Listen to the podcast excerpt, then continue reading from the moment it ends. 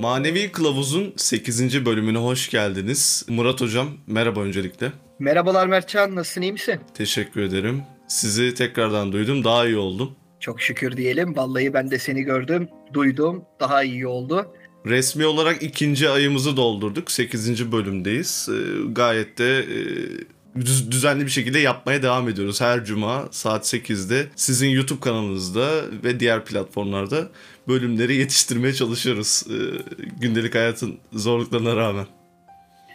Vallahi bu hızı kesmeden de devam ederiz inşallah. Yani ben mesela işte bu taraftaki bu akışın düzenliliği ya benim hoşuma gidiyor. Aynı zamanda da besliyor. Bir disiplin ve sorumluluk da katıyor. Öyle veya böyle insanlar dinliyor ve bundan besleniyorlar. Yorumlarda falan da görüyorum. Yani şifa olsun. Yani aynı disiplini ben YouTube tarafında da kendi kanalımda da yapmaya çalışıyorum. Yani bu ikimiz için de geçerli sanırım. Böyle çok ekstra sağlık vesaire gibi bir şey olmadığı sürece de hı hı. valla Cuma 8'de herkesle görüşürüz gibi geliyor yani. Hocam bu arada yeni bölüme girmeden önce size ek bir bilgi vereceğim. Ee, bu en son yaptığımız kişisel gelişim bölümü diğer bölümlerden daha çok dinlenmiş. Garip bir şekilde. kişisel ya gelişim gerçekten şey satıyor var. yani.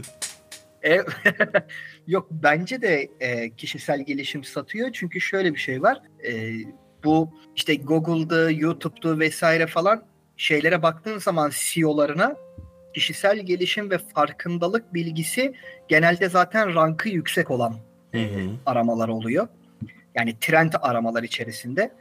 Ondan dolayı kişisel gelişim birçok kişiye hitap ediyor. Evet evet yani ben gördüm şaşırdım. Çeşitli platformlardan böyle parça parça datalar topluyorum ama benim takip ettiğim şimdi ismini vereyim mi bilmiyorum. Fizi platformu var. Türkcell'e ait bir, bir müzik platformu. Baya bir şey. Orada inanılmaz bir e, kişisel gelişime yönelik herhalde beyaz yaka Türkcelliler, platinyumlular bizim kişisel gelişimi görünce hemen dinlemeye başlamışlar.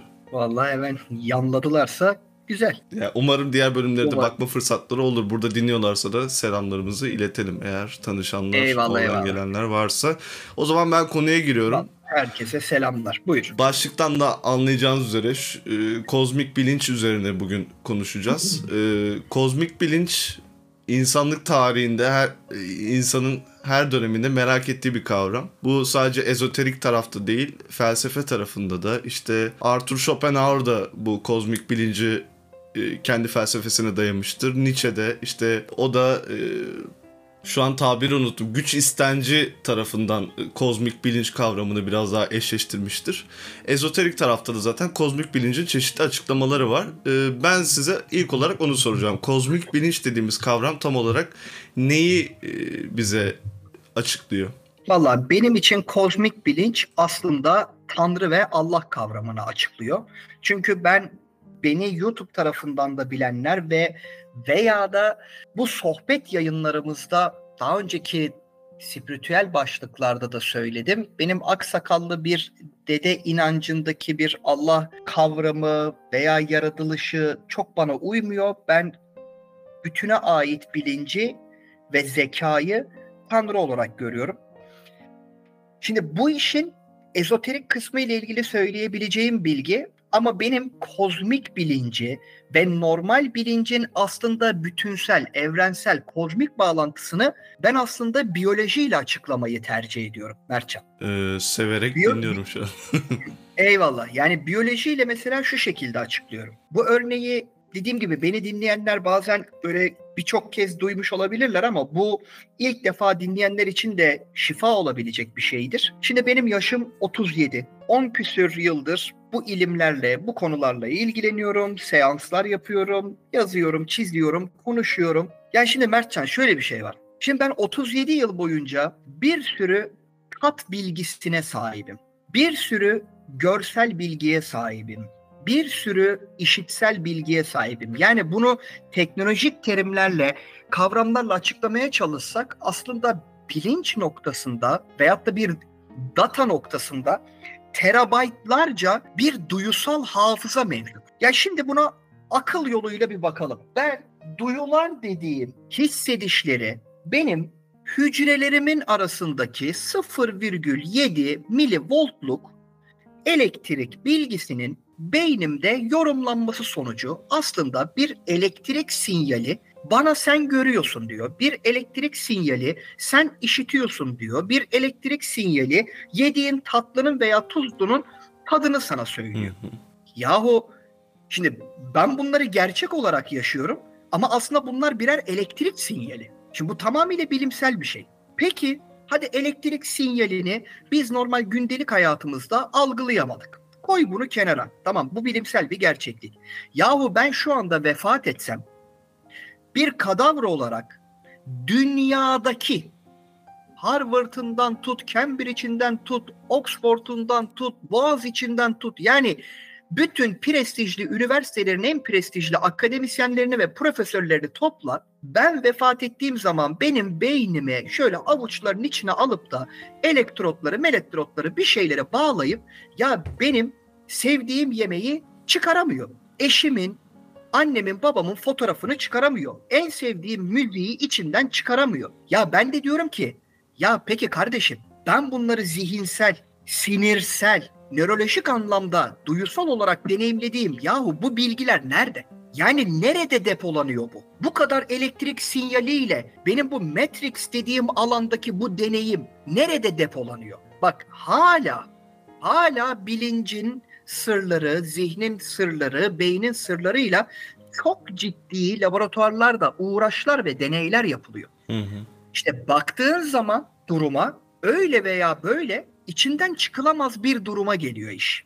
İşte işin biyolojik kısmı bu. Hadi şimdi bunu bir kenara koyduk. Diğer biyolojik kısmı söyleyelim. Diğer biyolojik kısmı söyleyelim. Şöyle ki şimdi insanın görme ile ilgili bir frekans aralığı var. İşitme ile ilgili bir frekans aralığı var. Değil mi? Mesela ses olarak baktığımızda 20 Hz ile 20K Hz arasındaki sesleri biz duyabiliyoruz. Hı. Şimdi peki 20 Hz'in altı veya 20 kHz'in üstü. Yahu bu sesler normalde var. Peki biz niye duyamıyoruz? Veya görme ile ilgili o hertz aralığının üstü veya altını niye göremiyoruz? Kısıtlandığımız yerdeki bu bilinç yansıması nerede tıkanıyor? Nerede yokuşa denk geliyoruz da yola devam edemiyoruz? Veya bu kısıtlılığın anlamı ne? İşte neden bu kadar detaylıca söyledim? Herkeste bir sorgulama ve bir e, böyle bir tefekkür sahası yaratmak için. İşte burada bedenin ötesindeki deneyim haline ait fenomenler bilinçle alakalıdır. Çünkü bilinç bedenin içinde değil, beden bilincin içerisindedir. Ee, burada şunu söyleyebilirim bu arada. Çok da konuya hakim değilim biyolojik olarak da. Ee, işte bu belli frekansların veyahut da renklerin işte mor ötesi ışığı gözle göremiyoruz ama yaptığımız cihazlarla tespit edebiliyoruz. Ama belli frekanstaki sesleri de bazı hayvanlar duyabiliyor. Mesela köpekler duyabiliyor vesaire. Bunu biyolojik tarafta aslında evrimle açıklayabilip şeyler var. İşte karanlıkta yaşayan bir hayvan ilk başta gözleri olsa da sonradan gözlerini kullanmadığı için gözleri kapanıyor. Ee, bu sefer gözleri görmediği için kulakları daha iyi duymaya başlıyor. Orada aslında evrimsel bir gelişim e, olarak yorumlanabiliyor diye düşünüyorum.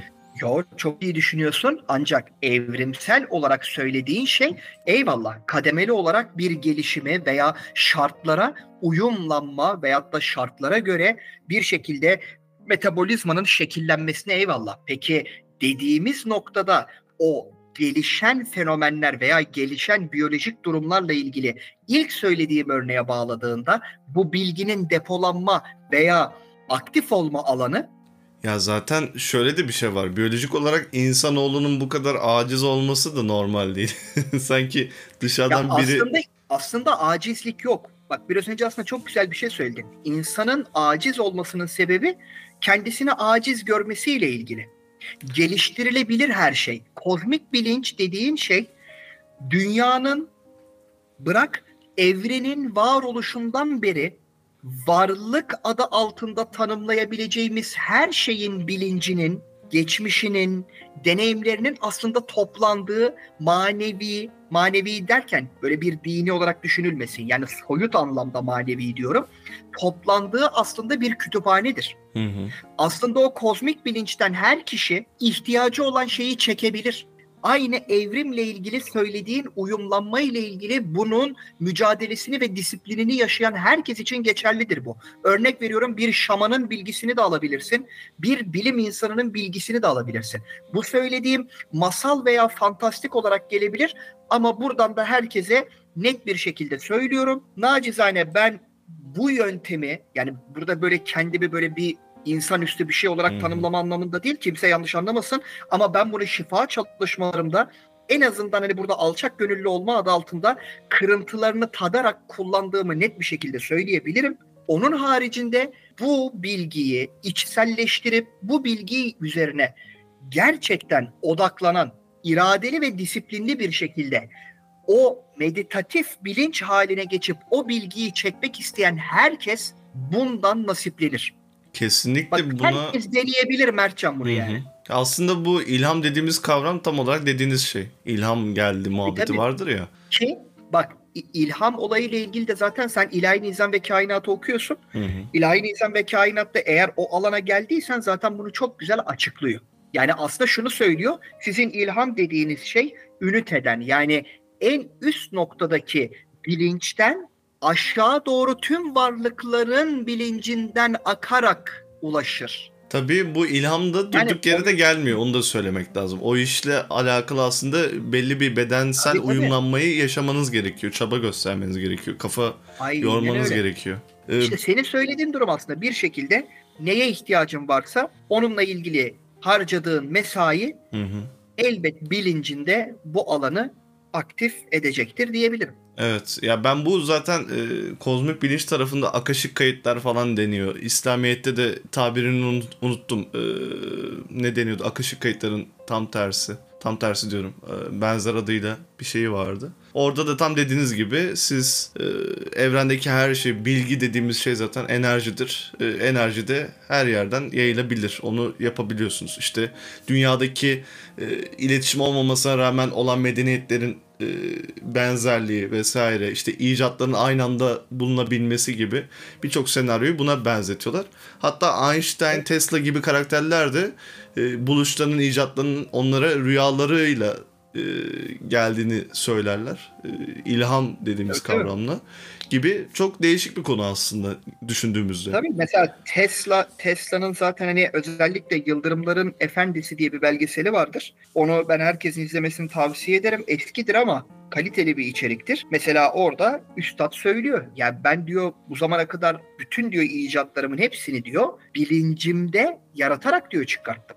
Hı hı. Ki ben kolektif bilince, kozmik bilince veya e, Kur'an-ı Kerim üzerinden de ispat edebilirim.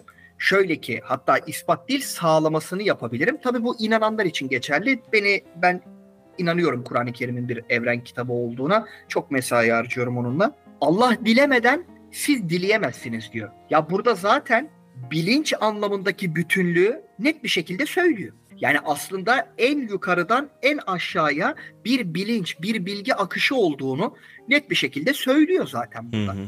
Ve dediğim gibi yani bunun ille Kur'an-ı Kerim'den veya Tesla'dan veya başka bir ideolojiden sağlamasının yapılmasına da ihtiyaç duyulmaması lazım. Bu konuya ilgi duyan veya deneyimlemek isteyen kişilerin mevcut hayatlarını ilham adı altında onu sen güzel şey yaptın ilham adı altında yaşadıkları şeyleri, tezahür ettirme biçimlerini bir gözden geçirsinler ve bununla ilgili bir mesai harcasınlar. Hı. Bu yasanın yani bu evrensel yasanın çalıştığını görecekler. Çekim yasası dediğin de aslında budur. Rezonans kanunu dediğin de aslında budur. Bir şekilde kolektif bilinç içerisindeki deneyime frekans olarak uyumlanmadır. O yüzden konuştuğunuza dikkat edeceksiniz. Aynen öyle. Tabii tabii. Yani ki Bak yine mesela şimdi konu konuyu açıyor. Mesela dedikodu ile ilgili de yine Kur'an-ı Kerim'de der ki işte birileri hakkında konuştuğunuz zaman onun etini çiğ çiğ yersiniz. Ya burada aslında şunu demek istiyor. Fiziksel olarak sizi duymasa da ruhu aslında bunu duyar ve siz bir karma oluşturursunuz. Yani nereden bakarsan bak bir şekilde bu bilgi aslında kişinin karşısına çıkıyor. Ama bir yerde de işte şu oluyor Mertcan. Kişiler hayat içerisinde kendilerini çok fazla gözlemlemiyorlar. Gözlemci etkisinden uzak yaşıyoruz maalesef. Bunu belli dönemlerde hepimiz yapıyoruzdur da aslında insan kendini gözlemci etkisiyle yani dışarıdan gözlemlediğinde aslında ne kadar kozmik bilincin, evrenin bir parçası olduğunu, yaşadığı şeylerin ne kadar tesadüfün ötesinde bir akış içerisinde gerçekleştiğini bence net bir şekilde görür. Senin de bu şekilde düşündüğünü evet, düşünüyorum. Kesinlikle. Yani zaten en ufak yapı taşına baktığımızda bile her şey iç içe gibi. Ee, her şey e, işte insan vücudu bir şey, e, galaksi bir şey, galaksinin bir üstü bir şey. Hep benzer yapılar aslında. Bu da dediğimiz gibi bir bilinç içerisinde. Demin söylemeyi unuttum. Ee, Akaşik kayıtlar dedim İslamiyet'te de bu levh-i mahfuz diye geçiyor. Zaten biri Hint mitolojisinden gelme, biri İslamiyet'ten gelme. Farklı farklı kültürler ama aynı sonuca çıkıyor. İkisinin de hedefi aynı. Bu e, dediğimiz kavramlarda zaten şey, kozmik bilincin kütüphanesi gibi. Yanlışsam düzeltin. Yok yok kesinlikle aynı fikirdeyim. Hı hı. Ben de bunu ya ilk işte başlarda çok denemiştim. Mahfuz, hı hı. Ki bak levh mahfuz dedin aslında şey yaptın aslında işte bu baktığın zaman da hani bir şekilde işin bilimsel kısmında da DNA. Hı hı.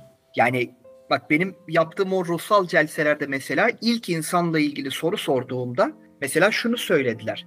Enerji daima vardı. Enerji okyanus gibidir. İlk insanı da o okyanusun dibinden var ettik. Ve sonrasında da şunu söylüyorlar. İlk insanın mevcut varlığındaki o parça, o DNA, o enerji hala sizde de mevcuttur. Yani ilk insan bilgisi bizim DNA'mızda aslında aktarım yoluyla ki biyolojik olarak da mümkündür zaten. Mümkün. Yani içinde ben niye mesela olaya hani hem ezoterik ve e, manevi boyutundan baktığım kadar da bilimsel boyutundan da bakmaya çalışıyorum. Çünkü bu e, doğru yolda olduğumu hı hı. E, bana net bir şekilde sağlamasını hı. veriyor. Çünkü hep ben söylerim dinsiz bilim, bilimsiz din olmaz. Maalesef günümüzde bunu kutupluluk halinde yaşıyorlar ama bana göre bilim yaratıcının sanatını keşfettiğimiz mükemmel bir alan. Ama bana göre bilimi de biraz materyalist taraftan çıkıp her ne kadar bazı kişileri rahatsız etse de en azından bir kapıyı biraz aralık bırakıp manevi alandan da değerlendirmek lazım. Hocam bir de size çok merak ettiğim bir şey soracağım. Sizin de bildiğiniz Tanrı ile Sohbet kitabında e, ki karaktere Tanrı kendi iç sesiyle konuşuyor ya. Kozmik bilinç, bilinç dediğimizde aslında biraz o ya. Mesela siz de e, bu konuda işte şifalandırma seansları olsun, işte bir şey yaptığınızda, bölüm yaptığınızda bir bilgi akışı olduğunu söylüyorsunuz her zaman.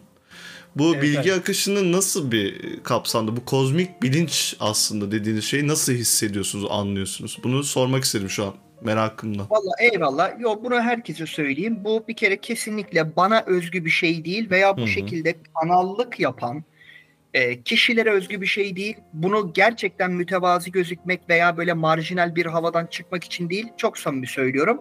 Spiritüel öğretilerle, ezoterik öğretilerle, kendi varlığının tanrısallığıyla veya tanrısal enerjiyle ilişkisini araştıran, bu yolda gerçekten mesai harcayan kişiler bir yerden sonra üst boyutlara dokunmaya başlar arkadaşlar. Niye dokunur biliyor musun? Çünkü sorguladıkça bu dünyaya ait olmadığını, evrensele ait olduğunu anlar ve yola devam etmek için de evrenselle iletişim kurmak mecburiyetinde kalır. Yani bir şekilde sistem evrensel kümesine seni dahil eder. Evrensel kümesine dahil olduğun zaman da bir şekilde üst boyutlara ait dostlar, yoldaşlar size yol göstermeye başlar. Bu dışarıdan fantastik, masalsı gelebilir ama yine bunu söylüyorum. Bu iş yolun yolcusuna açılır. Bir süredir ben önceden bunları söylemezdim ama dönem itibariyle artık bunları konuşmaktan zaten çekinmiyorum. Beni bilenler bilir. Benim YouTube'daki yayınlarımın şu andaki celse okumaları haricinde olanların hiçbirinde o gözüken 20-25 dakikalık yayınlardaki akışın tamamı kanallık bilgisidir. Benim önümde bir kağıt göremezler. Daha önceden hazırlandığım bir tekst göremezler. İşte yazdığım kitapta da bu olmuştur. E, yaptığım şifa çalışmalarında bu olmuştur. Ki senle benzer bir durum yaşadık hatırlıyorsan. Hı hı. E, biri karşıma oturduğunda ben odaklandığımda o kişiyle ilgili gözüme imajlar gelir. yani bu dediğim gibi yani benim bir süper kahraman olmamla Hı-hı. alakalı bir şey değil. Bu o bilinçle yani o kolektif bilinçle, kozmik bilinçle ilgilenen herkese açık bir kapıdır. Ama bunu da söylemezsem eksik olur. Değerli dostlar 10 yıl. Dile kolay. Bu şu demek değil. Kimse tabii bunu şey diye düşünmesin. Yani ne yani Murat Bey? İşte bize bir ayda açılmama ihtimali nereden biliyorsun? Ya tabii ki de olabilir. Bu ben arada hocam ben 2-3 ayda aslında e, bu işte kendi sesinle e, ama kendi iç sesim değil aslında o. Farkındayım onun. Nasıl farkındayım derseniz tamamen hissi olarak açıklayabilirim. Çünkü bazen aynı sesi duymaya çalışsam da duyamıyorum. Bazen çok rahat duyuyorum ve ben içimden bir şey geçirdiğinde anında bir cevap geliyor. Normalde düşünce hızıyla öyle bir şey gelmemesi lazım fiziksel olarak. Yani zaman kavramına uymuyor. Böyle bir zamanda ben anlayabiliyorum bunu. Yani işin çünkü biraz da şey tarafı var. Lan deli miyim acaba? Kendi kafamda sesler hayır, işte o yaşadığın duyuyor? şey aslında duru biliş oluyor yani. Hı hı. Baktığın zaman anlık bilme hali. Yani ben diyorum yani bir süredir bunlar benim yaşadığım şeyler hayatımda yani çok da kısa zaman önce başlayan şeyler değil tabii. Hı hı. Bir 4 yıldır 5 yıldır bunlar benim deneyimlediğim şeyler. Bedellerini ödediğimiz şeyler. iniş çıkışlarını yaşadığımız şeyler bunlar. Ama dediğim gibi yani bu yolun yolcusuna varlığını anlama ile ilgili bu trafiği hayatında yol yapan herkese Mertcan bu dokunur kardeşim. Tabii. Ben onu Ama, o yüzden söyledim aslında. Ee, eyvallah eyvallah. Lafınızı kestim. Biz Şöyle benzetme de, yapacağım sadece. Sen de bu alandasın yani. Hı-hı. Buyur buyur. Şimdi e, ben kısa bir sürede bunu yapabiliyorum ama olay şu. Murat Bey'in 10 yıl yapması şuna benziyor. Murat Bey kitap yazacak e, seviyede bir Türkçe konuşurken ben daha harfleri sayıklıyorum gibi aslında benzetme yapabiliriz. Yok, yok, Çünkü her ya. istediğim anda ona odaklanamıyorum bazı durumlarda onu tam şey yapamıyorum, algılayamıyorum. Ee, işte imajine edemiyorum zaten. Tamamen benim belki de yapımla alakalı. Hissi olarak bu tarz e, bilgi akışları vesaire geliyor. Siz de zaten bu podcast kaydederken bile ben normal konuşma tarzımdan çok başka konuştuğumu hissedebiliyorum. Daha akıcı bir şekilde konuşuyoruz karşılıklı bir uyumlamadan. Ya aslında bu bile şu bölümün kaydı bile aslında bir kozmik bilinç e, sponsorluğunda e, olmuştur. Ol, olacaktır da yani. Aynen. Vallahi yo yo kesinlikle bu sponsorluğun bir parçasıyız. Kesinlikle katılıyorum sana. Ki bak bunu her yayınımızda söylüyoruz. Hani tabii kimseye bir şey ispat etme derdinde olduğumuzdan değil. Hani konunun kendisi bizi oraya getiriyor. Sen defalarca söyledin. Hani bir tane de ben böyle bir araya şey yapmış olayım. E, link atmış olayım. Yani biz Mertcan'la ya şunu konuşalım, bunu konuşalım. Bak ben böyle notlar aldım. Bak sen de bunu söylersin. Sen de bak bana bunu sor ha. Sakın işte birbirimizi işte böyle bir eksiye düşürmeyelim vesaire gibi bir şey değil. Biz devamlı başladığımızda Mertcan der ki Murat bu konudan konuşuyoruz. Eyvallah kardeşim deriz ve 3-2-1 diye Mertcan sayar ve kayıt tuşuna basarız. Ki dediğin çok doğru. Bunu tüm kalbimle katılıyorum. Tamamıyla akışın kendisi ne geliyorsa ilham yoluyla geliyor bize şu anda.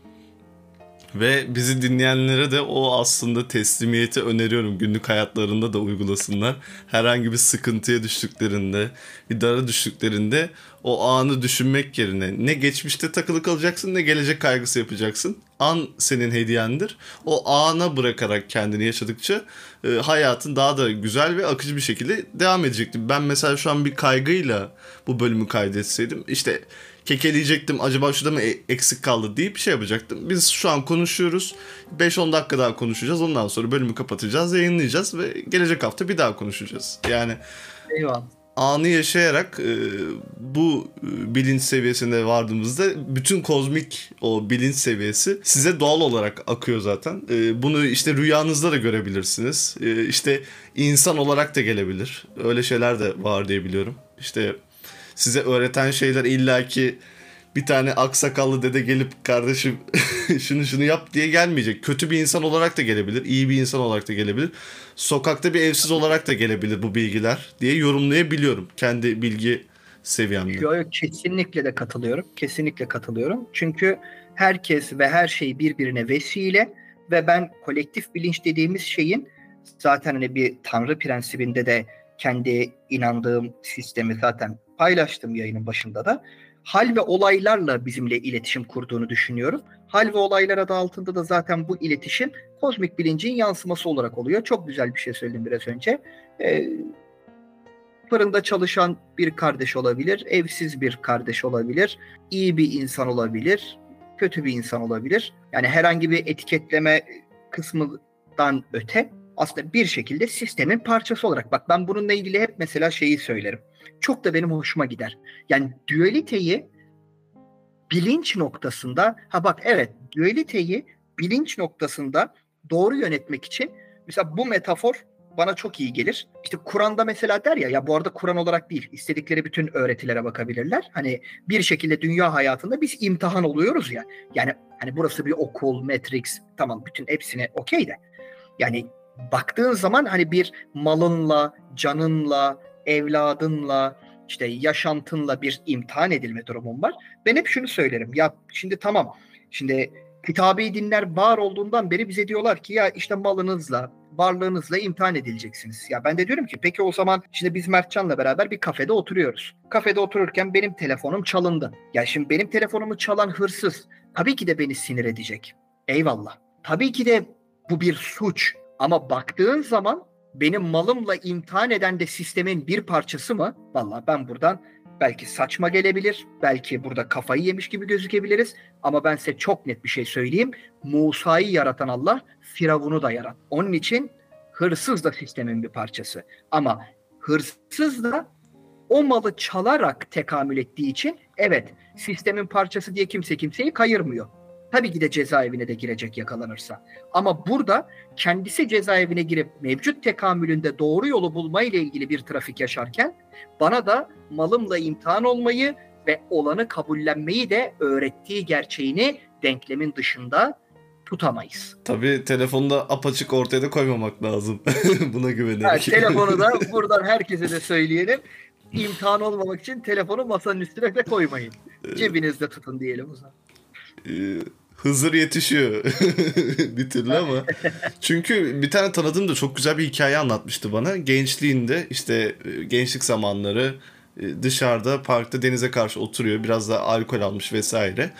Ama şey böyle Allah'a falan artık şikayet etme seviyesine gelmiş. E, çok çok da asabi bir ruh halinde. Yanına biri geliyor e, engelli bir birey. İşte bacaklarından bir tanesi yok, kolunun bir tanesi yok ve çok mutlu. Dedik ki ya o anda gençliğin verdiği şeydi niye bu kadar mutlusun diye sordum dedi. E, mutlu olmamam için bir sebep mi var diye geldi. Yani oradaki o insanın gelmesi bence normal bir şey değil o ruh halindeki bir insana. Tam bir aslında Hızır niyetiyle e, bir orada evrensel bir şeyle ders verme amacıyla olunan tesadüfler zinciri diyebilirim. Güzel bir anıydı benim için. Ve böyle şeyler de oluyor. Önemli olan bunları görebilmek bu arada. Herkesin çevresinde oluyor. Aynen öyle.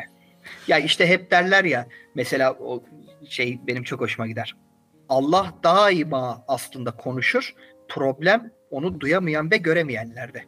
Yani ama bak ben Allah derken bak üst üste söylüyorum. Yani tabii ki de ben kimsenin ideolojisine veya imanını inancını sorgulama noktasında bir hadsizlik tabii ki de yapmam ama baktığın zaman Yine söylüyorum ben bunu.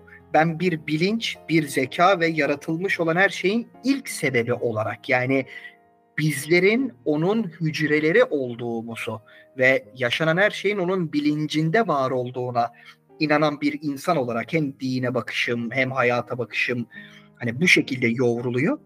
Ama baktığım zaman evet gerçekten bilinç anlamında, hayat anlamında, akış anlamında, zaman anlamında gerçekten bizimle daima iletişim halinde. Hı hı. Ama biz çok dünyalı olduğumuz için, çok dünya koktuğumuz için istediğimiz gibi gitmediğinde bir şeyler öfkelenmeyi, şikayet etmeyi, lanet etmeyi Tabii. daha konforlu buluyoruz. Böyle içimizdeki gazı öyle atmaya çalışıyoruz ama şu da bir hakikattir ki hani yine bir kolektif bilinç, kozmik bilinç mantığında baktığımızda herhangi bir sorun veya problem daima çözümüyle var olmuştur. Bak bunu buradan ilan ediyorum. Kişiler, ister tanıdıkları üzerinden, ister kendi hayatları üzerinden, ister çevresel olarak baksınlar daima böyledir. Peki çözüm neden gözükmez? İşte o bilinçten, o kolektif bilinçten ayrı olduğun için. O anda bir problem varken o kadar ağır tepkiler verirsin ki verdiğin tepkiler senin gözünü de zihnini de kör eder. Onun için göremezsin. Senin biraz önce söylediğin süper bir aslında ortak payda oturtuyor buna. Yaratıyor. Ya o anda aslında anın içinde kalsan ve o problemi kabullenip ya bunun çözümü de olmalı dediğin an aslında o krizi bir şifaya dönüştüreceksin. Ama verdiğin tepkiler bir şekilde gözündeki perdeyi kalınlaştırıyor. Tabii Ve ki. ondan sonra sen isyan etmekten öte geçemiyorsun. Tabii. E doğal olarak bu da mutsuzluk ve huzursuzluk yaratıyor. Yani olay aslında hiçbir zaman evrenle veya tanrıyla ilgili olmadı. Daima insanın kendisiyle ilgili oldu. Baksınlar tarihe, baksınlar savaşlara, baksınlar insanlık tarihine, derebeylik zamanından baksınlar, Osmanlı'dan baksınlar, Hitler'e baksınlar, Göktürklere baksınlar, Cumhuriyet dönemine baksınlar.